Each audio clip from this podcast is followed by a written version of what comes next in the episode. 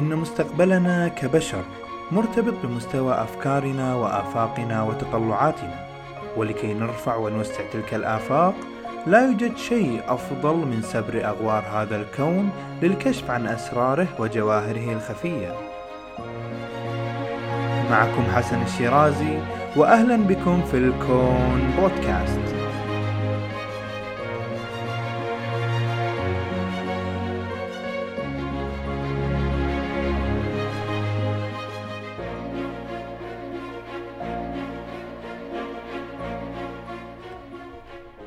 السلام عليكم.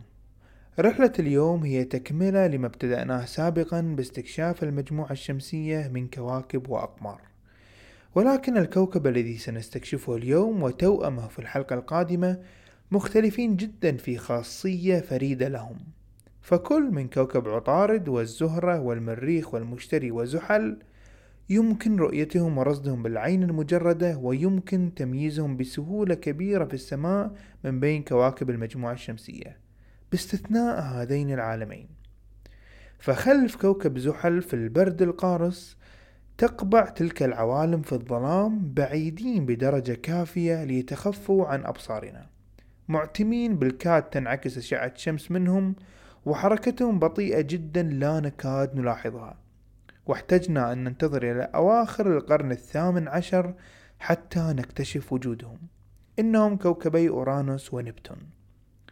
وخلف اكتشافهم قصص وتضحيات ورياضيات وعلوم سوف نتعرف عليها في هذه الحلقة.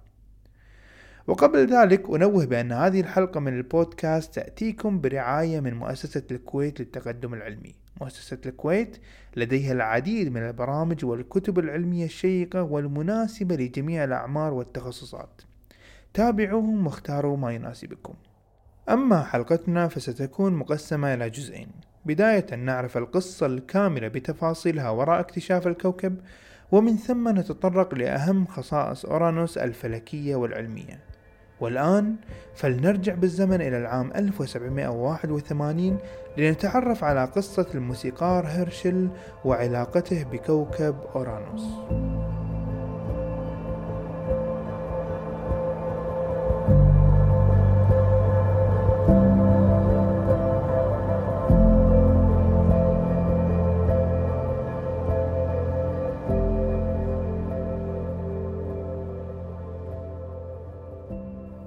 في مساء الثالث عشر من شهر مارس عام 1781 كان وليام هيرشل يعاين السماء ويتفحص النجوم بتلسكوبه في باحة بيته الخلفية في مدينة باث الإنجليزية.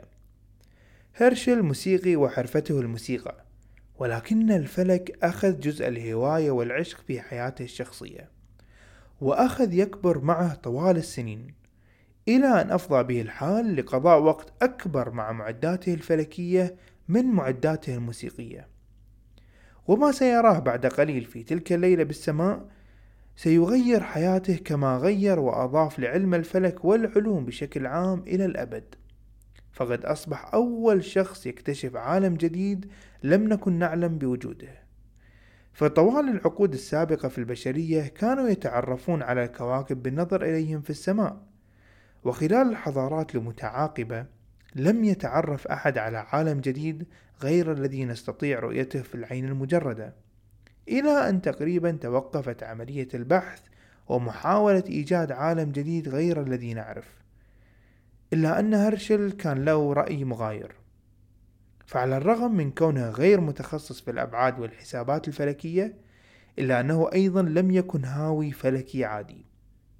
فمن شدة شغفه بالفلك أخذ هو يصنع التلسكوبات ولم يلبث إلا وأصبح صانع أفضل تلسكوب في عصره وهو نفس التلسكوب الذي استخدمه للنظر في تلك الليلة.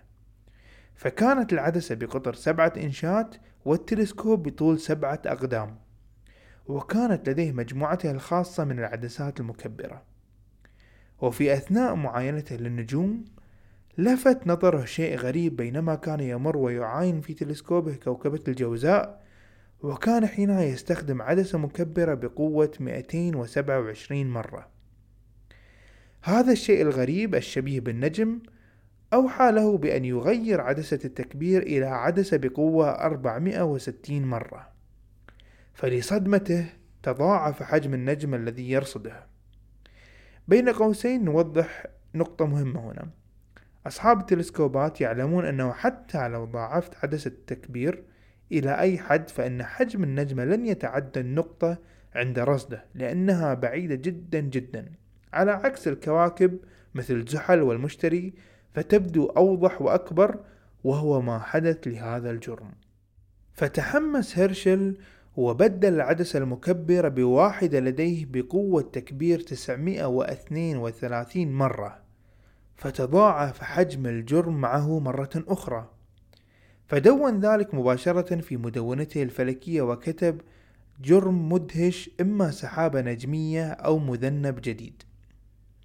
ولكن في قرارة نفسه كان يشك في ذلك لأنه كان يعلم بأن حتى السحابة النجمية ستكون بعيدة ولن تكبر بهذا الحجم. وأما المذنب بالعادة يكون له ذيل يتبعه من جراء احتراقه وهو ما لم يكن موجود هنا. تجاوز هيرشل شكوكه وسجل موقع الجرم في مدونته وعاد مساء السابع عشر من نفس الشهر لمعاينة ما اكتشف واستقر في نفسه أخيرا أنه مذنب غريب لم يكن أحد يعلم بوجوده. فلأخذ سبق هذا الاكتشاف العظيم راسل المجتمعات الفلكية التي يعرفها فراسل مرصد أكسفورد واطلعهم على نتائجه وفعل المثل مع المرصد الملكي في غرينتش الذي كان يضم أكبر الفلكيين في إنجلترا وأكثرهم خبرة الفلكي ماسكيلاين.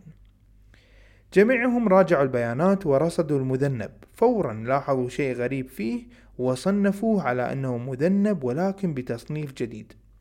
فاقترح ماسكيلاين من المرصد الملكي على هيرشل بأن يكتب ورقة علمية يذكر اكتشافه ونوع التلسكوب وينشرها في المجلات الفلكية وهو بالفعل ما فعل هيرشل وبعدها نوقشت ورقته العلمية في المجتمع الملكي الفلكي في لندن ولم يستطع الحضور لبعد المسافة بين لندن ومدينة باث وكانت تحت عنوان مذنب جديد. قُبلت الورقة العلمية بالتشكيك الكبير من قبل الفلكيين خصوصا بأن قوة المكبرات العدسية التي استخدمها لم تكن متوفرة لديهم.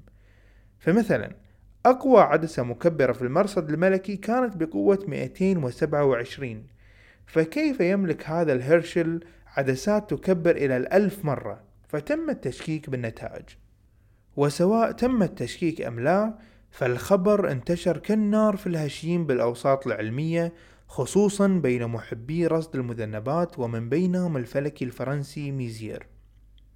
فكتب رسالة يبين إعجابه الشديد لهرشل ومع اقتراب الصيف من تلك السنة اختفى الجرم من السماء فكان لا يشرق إلا مع الفجر فلا يمكن أن يرى.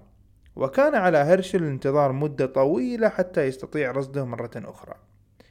فاستغل هذا الوقت للدراسة الرياضية والفلكية ليتأكد من بياناته أكثر وأكثر عن طريق الحسابات.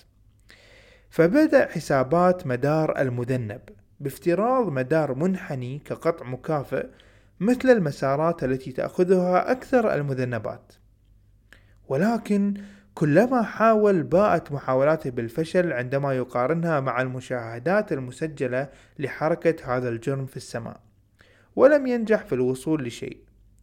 انتشر الخبر طبعا في الأوساط الفلكية ووصل إلى روسيا حيث يوجد رياضي وفلكي كبير جدا جدا في بيترسبورغ يسمى أندريس ليكسيل. أندريس حاول بطريقة مختلفة.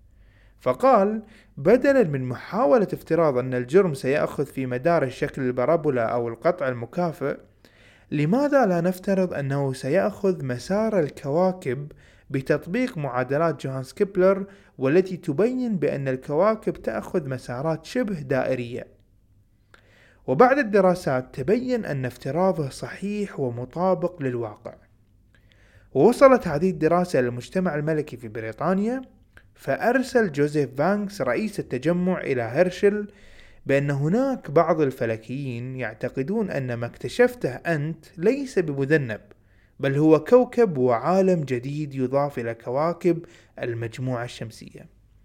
فاقترح عليه أن يسرع بتسميته قبل أن يسبق إليه آخرون في إنجلترا وفرنسا.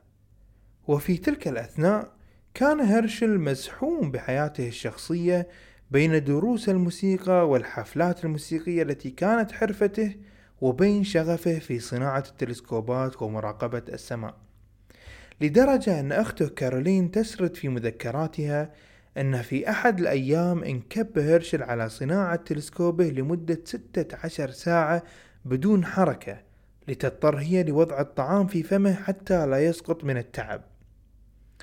عموما بعدما انتشر خبر أن الجرم المكتشف هو كوكب وليس مذنب انهالت رسائل التهنئة عليه من كل حدب وصوب وسط انبهار الفلكيين من اكتشافه وقدرة تلسكوبه العظيم على رصد جرم بهذا البعد السحيق. فانهالت عشرات الطلبات لصناعة التلسكوب من أكبر الخبراء الفلكيين في أقطاب أوروبا.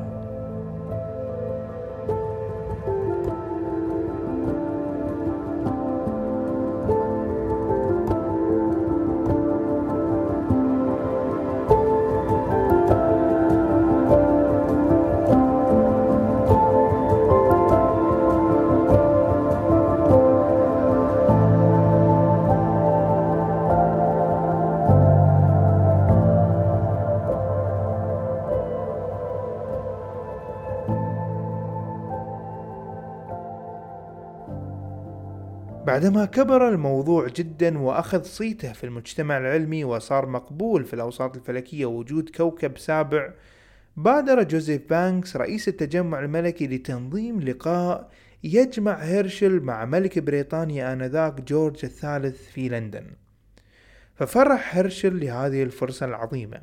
فمن خلالها كان يسعى لتثبيت مكانته العلمية وإبعاد الشكوك عن اكتشافه. فحزم أمتعته متجه إلى لندن وأخذ معه تلسكوبه ذو السبعة أقدام لغاية في نفسه. وعندما وصل إلى لندن توجه مباشرة إلى المرصد الملكي وبعدما حيوه وضع هرشل تلسكوبه بجانب تلسكوب المرصد الملكي ليبهروا من جودته والدقة والعناية في صنعه وكان يفوق كل ما لديهم من تلسكوبات. لتنطفئ بعض الشكوك التي ساورتهم من نتائج رصده. بعد ذلك بأيام التقى هرشل بالملك جورج ووضح له رسم للكواكب بالمجموعة الشمسية وموقع الكوكب الذي اكتشفه وسار اللقاء على أفضل ما يكون بحيث أن الملك طلب جلسة ثانية من هرشل بعد عدة أسابيع. وتبادلوا أطراف الحديث فكانت المشتركات بينهم كثيرة وأهمها كان حب الملك لعلم الفلك. وبعيدا عن تجمعات هرشل مع الملك فالآن يحتاج الكوكب إلى اسم حتى يعرف في المراجع والكتب. فدارت الكثير من الأحاديث والآراء حول هذا الأمر. ففي فرنسا جاء اقتراح اسم الكوكب على اسم المكتشف هيرشل. ولكن عارض هذا الاسم الكثير من الفلكيين كونه غير متطابق مع الكواكب الستة من قبله كوكب هيرشل يبدو خارج الصياغة المتعارف عليه. فكان هناك اقتراحات متعددة مرتبطة بالأسطورة اليونانية أسوة ببقية الكواكب. فتم اقتراح اسم أستيرا آلهة العدالة التي لم تستطع تحقيقها في الأرض فذهبت هناك وسكنت الكوكب. ومن الاقتراحات أيضا الاسم سايبلي زوجة ساترن من الأسطورة لتكون العائلة كلها هناك. واقترحوا أيضا هايبر كرونيوس أي حرفيا فوق زحل وغيرها الكثير.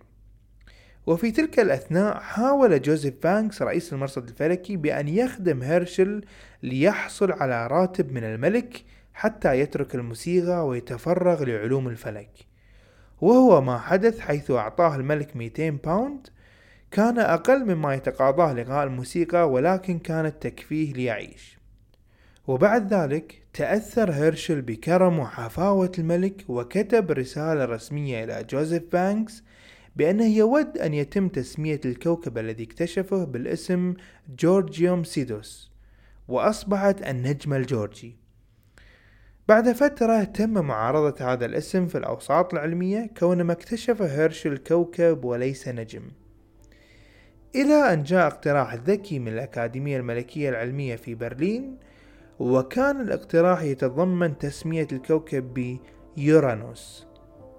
وكان الاقتراح منطقي ولاقى رواج بين الفلكيين كون يورانوس هو أب ساترن وجد جوبيتر من الأسطورة ومتماشي مع باقي الكواكب. فصار للكوكب أكثر من اسم كوكب يورانوس عند المجتمع العلمي والكوكب الجورجي في بريطانيا. حتى تم تثبيته رسميا يورانوس. واليوم في اللغة العربية يسمى بأورانوس ومقبول في اللغة الإنجليزية بأن تنطقه بيورينس حتى وإن كان الاسم غريب ومضحك نوعا ما في لغتهم. تتعدد الأسماء والقصد واحد كوكب سابع بعيد عنا لم نكن نعلم عنه شيئا من قبل. والآن بعد أن عرفنا قصة اكتشافه وتسميته فبعد قليل سنسافر إليه لنتعرف على تفاصيل ذلك العملاق الثلجي.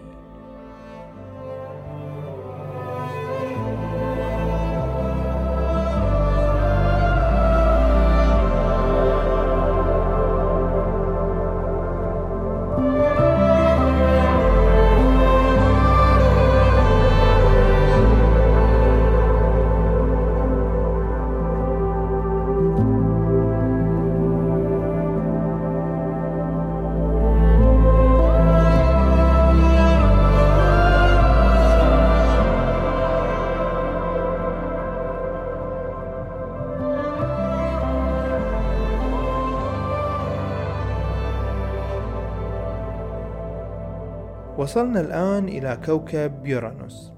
وقبل التحدث بالصفات لنتحدث قليلا ونفصل في مسألة رصده. فإذا أردنا التحدث بدقة فهي غير مستحيلة ولكن تتطلب شروط صعبة أن تتحقق في أيامنا هذه.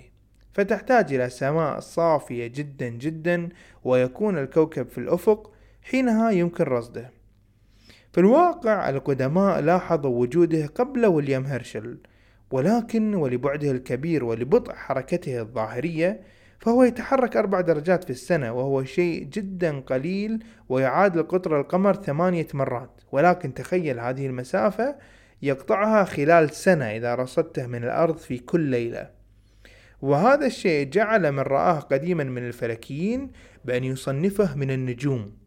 بل أكثر من ذلك فكثير من خرائط السماء قديما ثبتت وجوده بين النجوم. إلى أن جاء ويليام هيرشل وكشف لغز هذا الجرم كما سمعنا قصته قبل قليل. لنتحدث الآن عن أهم صفاته وخصائصه التي تميزه ونبدأ مع الحجم.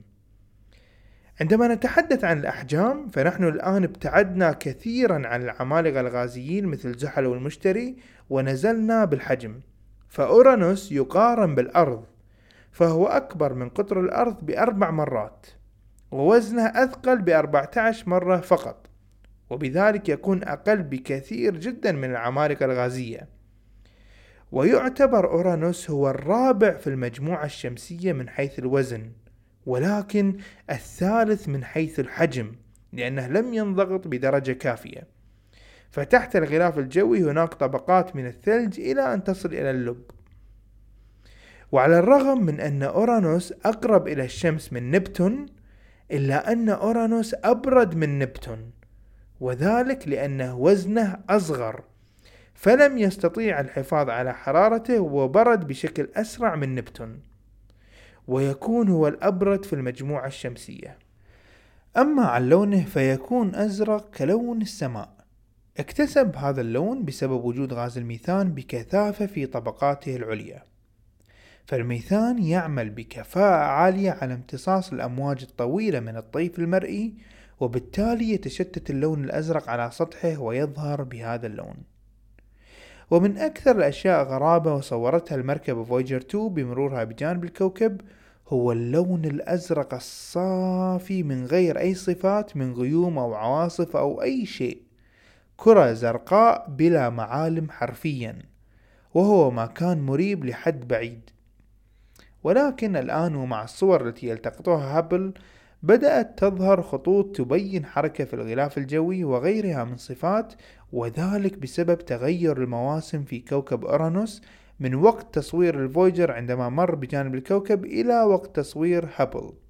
فظهرت بقع سوداء داكنة وظهرت كذلك بقع بيضاء كالتي تظهر عند حدوث البرق وتصويره من خارج الغلاف. وعندما نتكلم عن تغيير المواسم فتخيل نصف الكوكب جامد وبارد لمدة طويلة تصل إلى 42 سنة ثم تدخل حرارة الشمس عليه وتبدأ بتسخين وتحريك الغلاف الجوي فتنشأ من جراء ذلك العواصف. وبعد قليل سنتعرف السبب وراء المدة الطويلة للمواسم عندما نصل بالحديث عن طريقة دوران الكوكب حول نفسه. ميزة أخرى يتميز فيها أورانوس عن المشتري وزحل وهي احتواء لبه على مواد صلبة. ولكن كيف للعلماء معرفة ذلك؟ وللإجابة على هذا السؤال يحتاج العلماء معرفة الكثير من خصائص الجرم وبالتالي يخرجون بمثل هذه الاستنتاجات فمثلا يتوجب معرفة وزن الكوكب وبعد ذلك من الضروري معرفة حجم الكوكب من احتساب قطرة وبعد ذلك باستخدام المعادلات الرياضية والنمذجة بالحاسوب يمكن معرفة كيف لهذه الكتلة أن تتوزع في هذا المحيط. ويمكن كذلك احتساب القصور الذاتي أو ال moment of inertia ويزيد على ذلك قدرتنا على رصد الكوكب من الخارج وتحليل الطبقات الخارجية. ومعرفة أن الكوكب يتكون بمجمله من 82% من الهيدروجين و15% من الهيليوم. فبالتالي نستنتج أن باقي الكتلة التي تشغل المواد بالداخل واللب لابد وأن تكون أثقل من هذين الغازين وبالتالي تكون مواد صلبة. أما أغرب خاصية يتميز فيها فعلا هذا الكوكب فهو ميلانه التام بزاوية 98 درجة أي شبه متعامد على الأقطاب الشمالية والجنوبية. لتخيل ذلك لنقارنها الآن بالأرض. تخيل الكرة الأرضية أمامك فهي مائلة كما تعلم بزاوية 23 درجة ونصف حول محور دورانها. تخيل بجانبها الآن كوكب أورانوس فسترى بأن الكوكب مائل بزاوية شبه قائمة. فجميع الكواكب تدور حول الشمس وتدور حول نفسها من الغرب إلى الشرق. باستثناء كوكب الزهرة الذي يدور بحركة بطيئة جدا جدا وتصنف بأنها معكوسة وكوكب أورانوس الذي يدور من الأعلى إلى الأسفل بسبب الميلان ب 98 درجة. وهذا يسبب أيضا حركة معكوسة بالكوا... مقارنة بالكواكب الأخرى وتسمى بال retrograde motion فالقطب الجنوبي والشمالي على الأجناب وخط الاستواء في المنتصف من الأعلى إلى الأسفل يدور الكوكب عليه. فإذا قابل القطب الشمالي الشمس مثلا يكون نصف الكوكب معتم تماما ولا يصله أي فوتون من الشمس والعكس بالعكس. ويبدو أنه لا توجد خصائص فريدة لكل قطب فكل ما تقابل أحد الأقطاب مع الشمس فإنه يبدو مشع ولامع أما الجزء الآخر ينتظر دورة مدتها 42 سنة حتى تظهر عليه نفس الخصائص. والجميل بالموضوع بأننا في علم الفلك الحديث نشهد ولأول مرة تغير الأجواء في كوكب أورانوس. فطوال السنوات السابقة ظللنا نواجه قطب واحد منذ أرسلنا المركبات الفضائية. وفي كل سنة يتغير ببطء وفي كل سنة يكون لدينا أشياء جديدة نستكشفها وندرسها فيه. ومن تلك الأشياء الحلقات التي تدور من حوله مع الأقمار.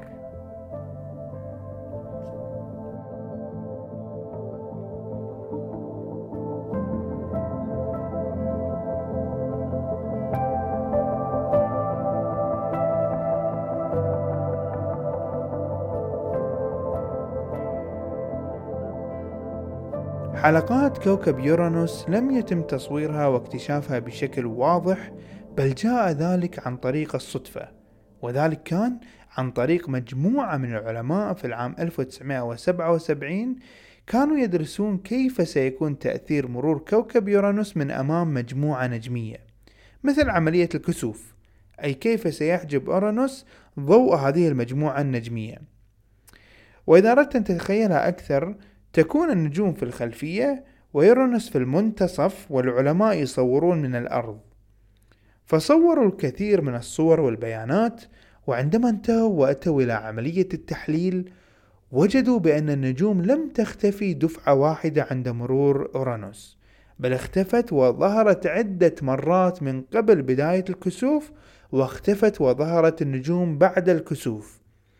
وعندما حلل البيانات تبين وجود حلقات تحيط بكوكب أورانوس والنجوم كانت تختفي وتظهر عندما تحجب الحلقات ضوء النجوم.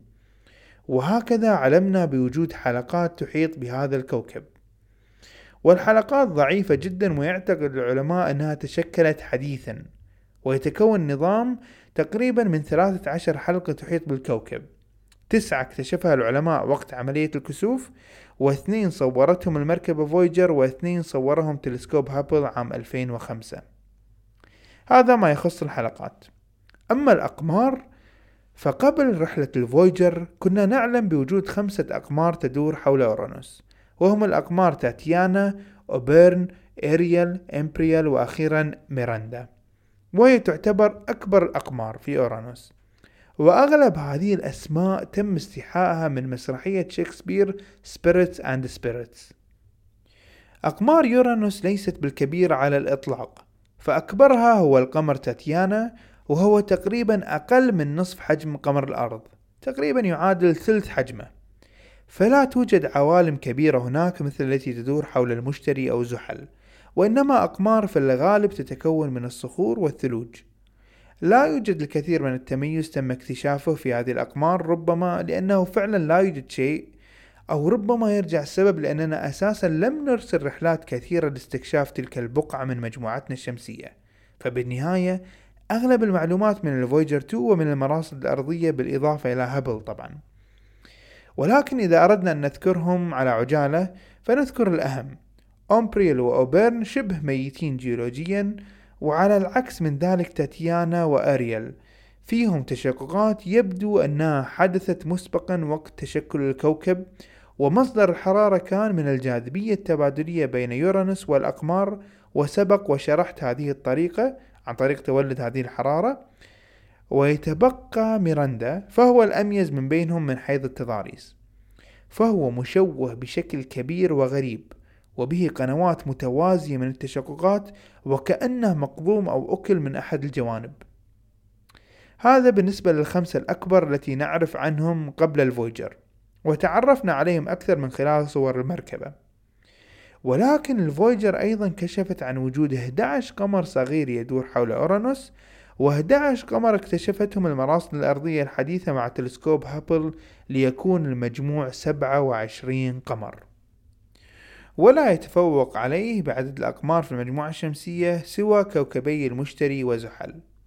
وإذا تم تصويرهم بالأشعة تحت الحمراء يمكن الكشف عنهم بشكل جميل. وبالمناسبة شكل الأقمار وهي تدور عمودية وليست بجانب الكوكب جميل جدا وغريب. ابحث في الإنترنت عن صورها فستجدها غريبة ومحيرة. وبما أن الحديث جرنا مرة أخرى إلى غرابة دوران أورانوس لنتكلم عن سبب ذلك قبل أن نختم الحلقة. فلكي يحدث مثل هذا الانقلاب لكوكب على محوره لابد وأنه حدث اصطدام هائل جدا في وقت بداية تشكل الكوكب مما أدى إلى ميلان الكوكب برمته وأصبح كأنه يدور على جنبه. ويقدر العلماء حجم الجسم الذي ضرب أورانوس بأنه يكون بأضعاف كتلة الأرض. ولكن بعض الدراسات تستنتج أن من الصعوبة بأن يكون جسم واحد بضربة واحدة قادر على إحداث هذه الميلان. فتوجد اقتراحات بأنها أكثر من ضربتين من أجرام بحجم كوكب الأرض. وطبعا هذا كله حصل في البدايات وقت تشكل المجموعة الشمسية ولا زالت الدراسات قائمة في هذا الخصوص ولم تصل إلى استنتاج حاسم حتى الآن. تقريبا هذا أهم ما يخص عملاقنا الأزرق الأول. فقد عرفنا قصة اكتشافه وتسميته وخضنا في أهم تفاصيلها العلمية. أرجو أن تكونوا قد استمتعتم في هذه الحلقة ولا تنسون الاشتراك وتقييم البرنامج حتى تصلكم الحلقات أولا بأول. وأنتظر تعليقاتكم على البرنامج بشكل عام وعلى هذه الحلقة. وإذا كان لديكم أي اقتراحات فكن لي آذان صاغية.